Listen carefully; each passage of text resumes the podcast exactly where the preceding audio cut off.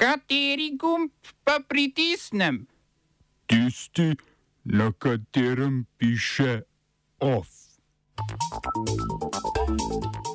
Po, tredih, po treh desetletjih novo vodstvo Fidesa.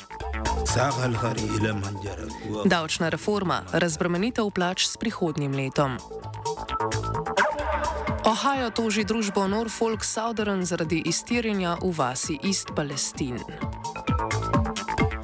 V kulturnih novicah po skate placih v Ljubljani.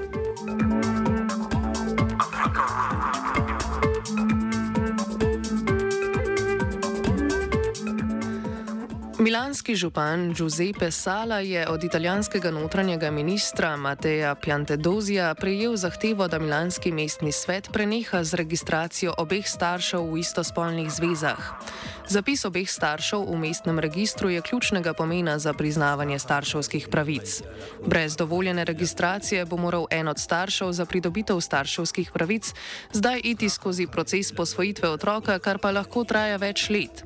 Milano je bilo zadnje večje italijansko mesto, ki je v registrih beležilo oba starša, saj so to prakso v Rimu, Neaplju in Torinu odpravili že prej.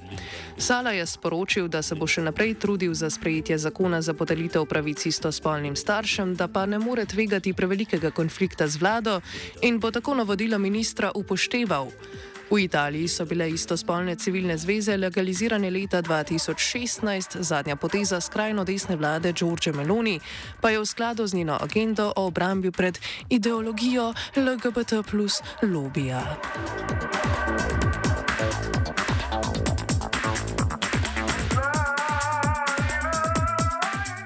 Hrvaški premijer Andrej Plenković je predstavil tretji svežen ukrepov za blažitev rasti cen, težak 1,7 milijarde evrov. Od tega bo približno 1,1 milijarde evrov namenjene blažitvi cen energentov, 347 milijonov finančni podpori ranljivim skupinam, blažitvi inflacijskih pritiskov pa 196 milijonov evrov. Paket naj bi stopil v veljavo s 1. aprilom. Upokojencem s pokojninami manjšimi od 610 evrov mesečno bo država namenila enkratno denarno pomoč med 60 in 160 evri. Del paketa je podaljšanje omejitve cen za nekatere skupine izdelkov, med drugim sončničnega olja, mleka, sladkorja, moke in piščančjega ter mletega mesa.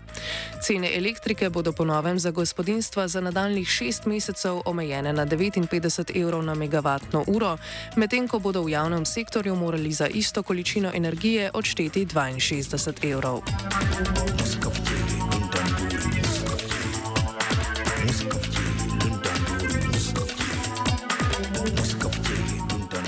Ameriška zvezdna država Ohio je v zvezi s februarskim iztirjenjem vlaka v okolici kraja East Palestine uložila tožbo proti podjetju Norfolk Southern. To je upravljalo z iztirjenim vlakom, iz katerega se je razlilo skoraj 4 milijone litrov nevarnih snovi.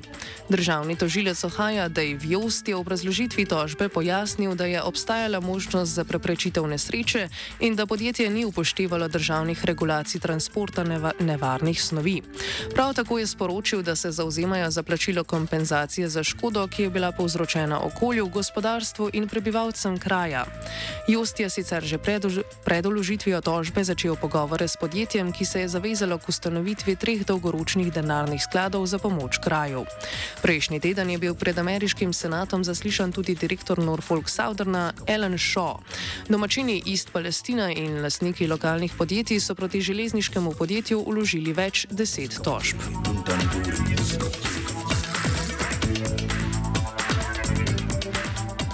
Turške oblasti so v povezavi s februarskim uničujočim potresom do sedaj aretirale preko 300 ljudi.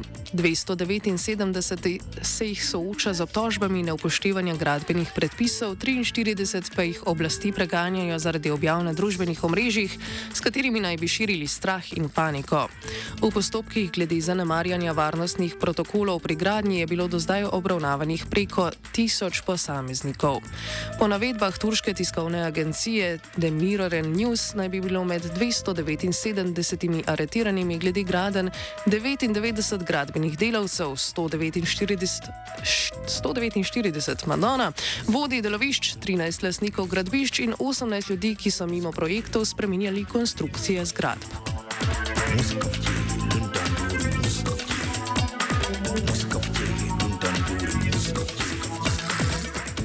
V senegalski prestolnici Dakar se je na shodu v podporo opozicijskemu voditelju Ousmaniju Sonku zbralo več kot 10 tisoč ljudi. S tridnevnim shodom izražajo podporo Sonku, ki ga je ministr za turizem tožil za obrekovanje. Sonko se sooča tudi s tožbo zaradi domnevnega posilstva in grožnje smrtjo iz leta 2021. Demonstracije so tudi uvod v kampanjo za predsedniške volitve, ki bodo naslednje leto.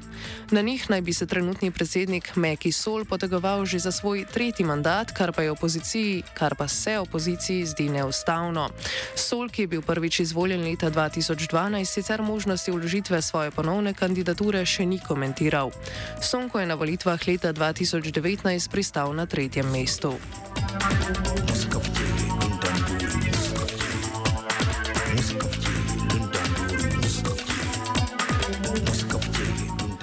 Ekvadorski parlament je izglasoval razveljavitev tajne označbe na dokumentih povezanih s preiskavami obtožb o korupciji v javnih podjetjih in s kaznivimi dejanji zopr državno varnost.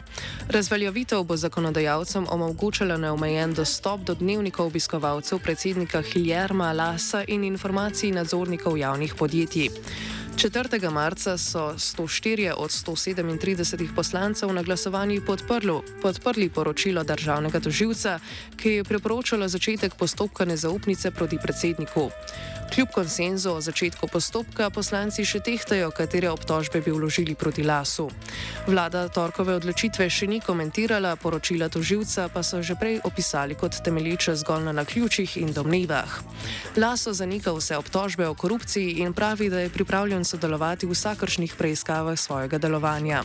Za uspeh nezaupnice bi moralo glasovati vsaj 92 poslancev, potrditi pa bi jo moralo še ustavno sodišče. Laso v parlamentu vlada z manjšinsko vlado, največja opozicijska stranka je državljansko revolucionarno gibanje nekdanjega predsednika Rafaela Koreje.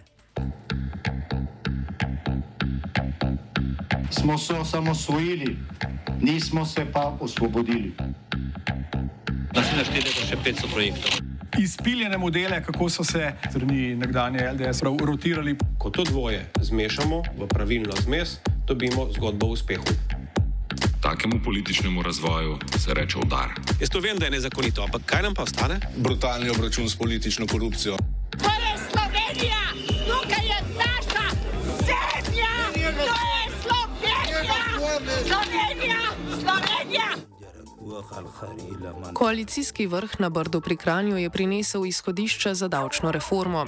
Po napovedih naj bi prinesla spremembe na področju dohodnine, obdavčitve premoženja in premik k obdavčitvi po ekonomski moči posameznikov. Finančni minister Klemen Boštjančič je pojasnil, da so se odločili za prehod v sistem tako imenovane neto obdavčitve dohodka na mesto zdajšnjega sistema olajšav. Glede obdavčitve nepremičnin je sporočil, da bo ta progresivno naraščala številom in vrednostjo nepremičnin v lasti posameznika. Plan, v katerem bosta zakon o dohodnini in zakon o nepremičninah, naj bi bil sprejet še letos. Prvi bo po napovedi začel veljati na začetku leta 2024, drugi pa na začetku leta 2025. Več o davčni reformi v današnjem offsajdu ob petih.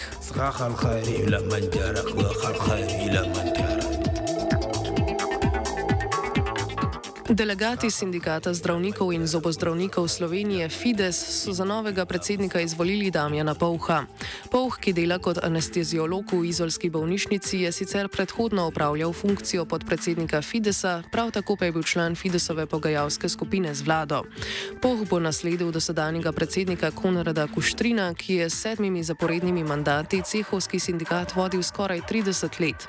Na letni konferenci so člani Fidesa poleg imenovanja novega predsednika predsednika sprejeli tudi tri sklepe, ki so jih posredovali ministru za zdravje. V njih med drugim zahtevajo realizacijo dveh podpisanih sporozumov o začasni prekinitvi stavkovnih aktivnosti, ki sta bila podpisana oktobra in januarja. Gre za oblikovanje ločenega plačnega stebra v zdravstvu.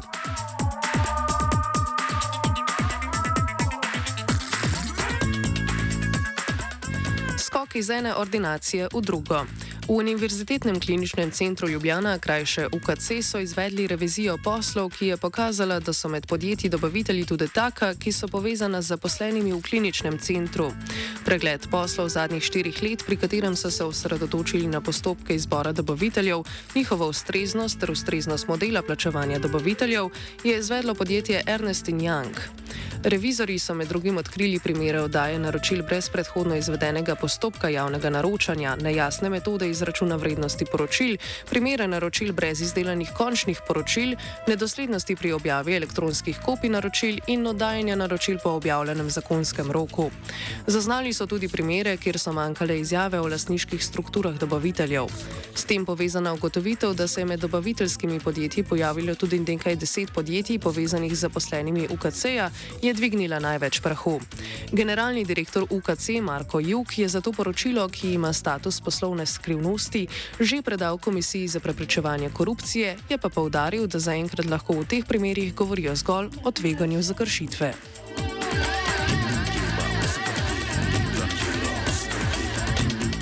OF je pripravil vajenec Filip, zraven je posedela Tija.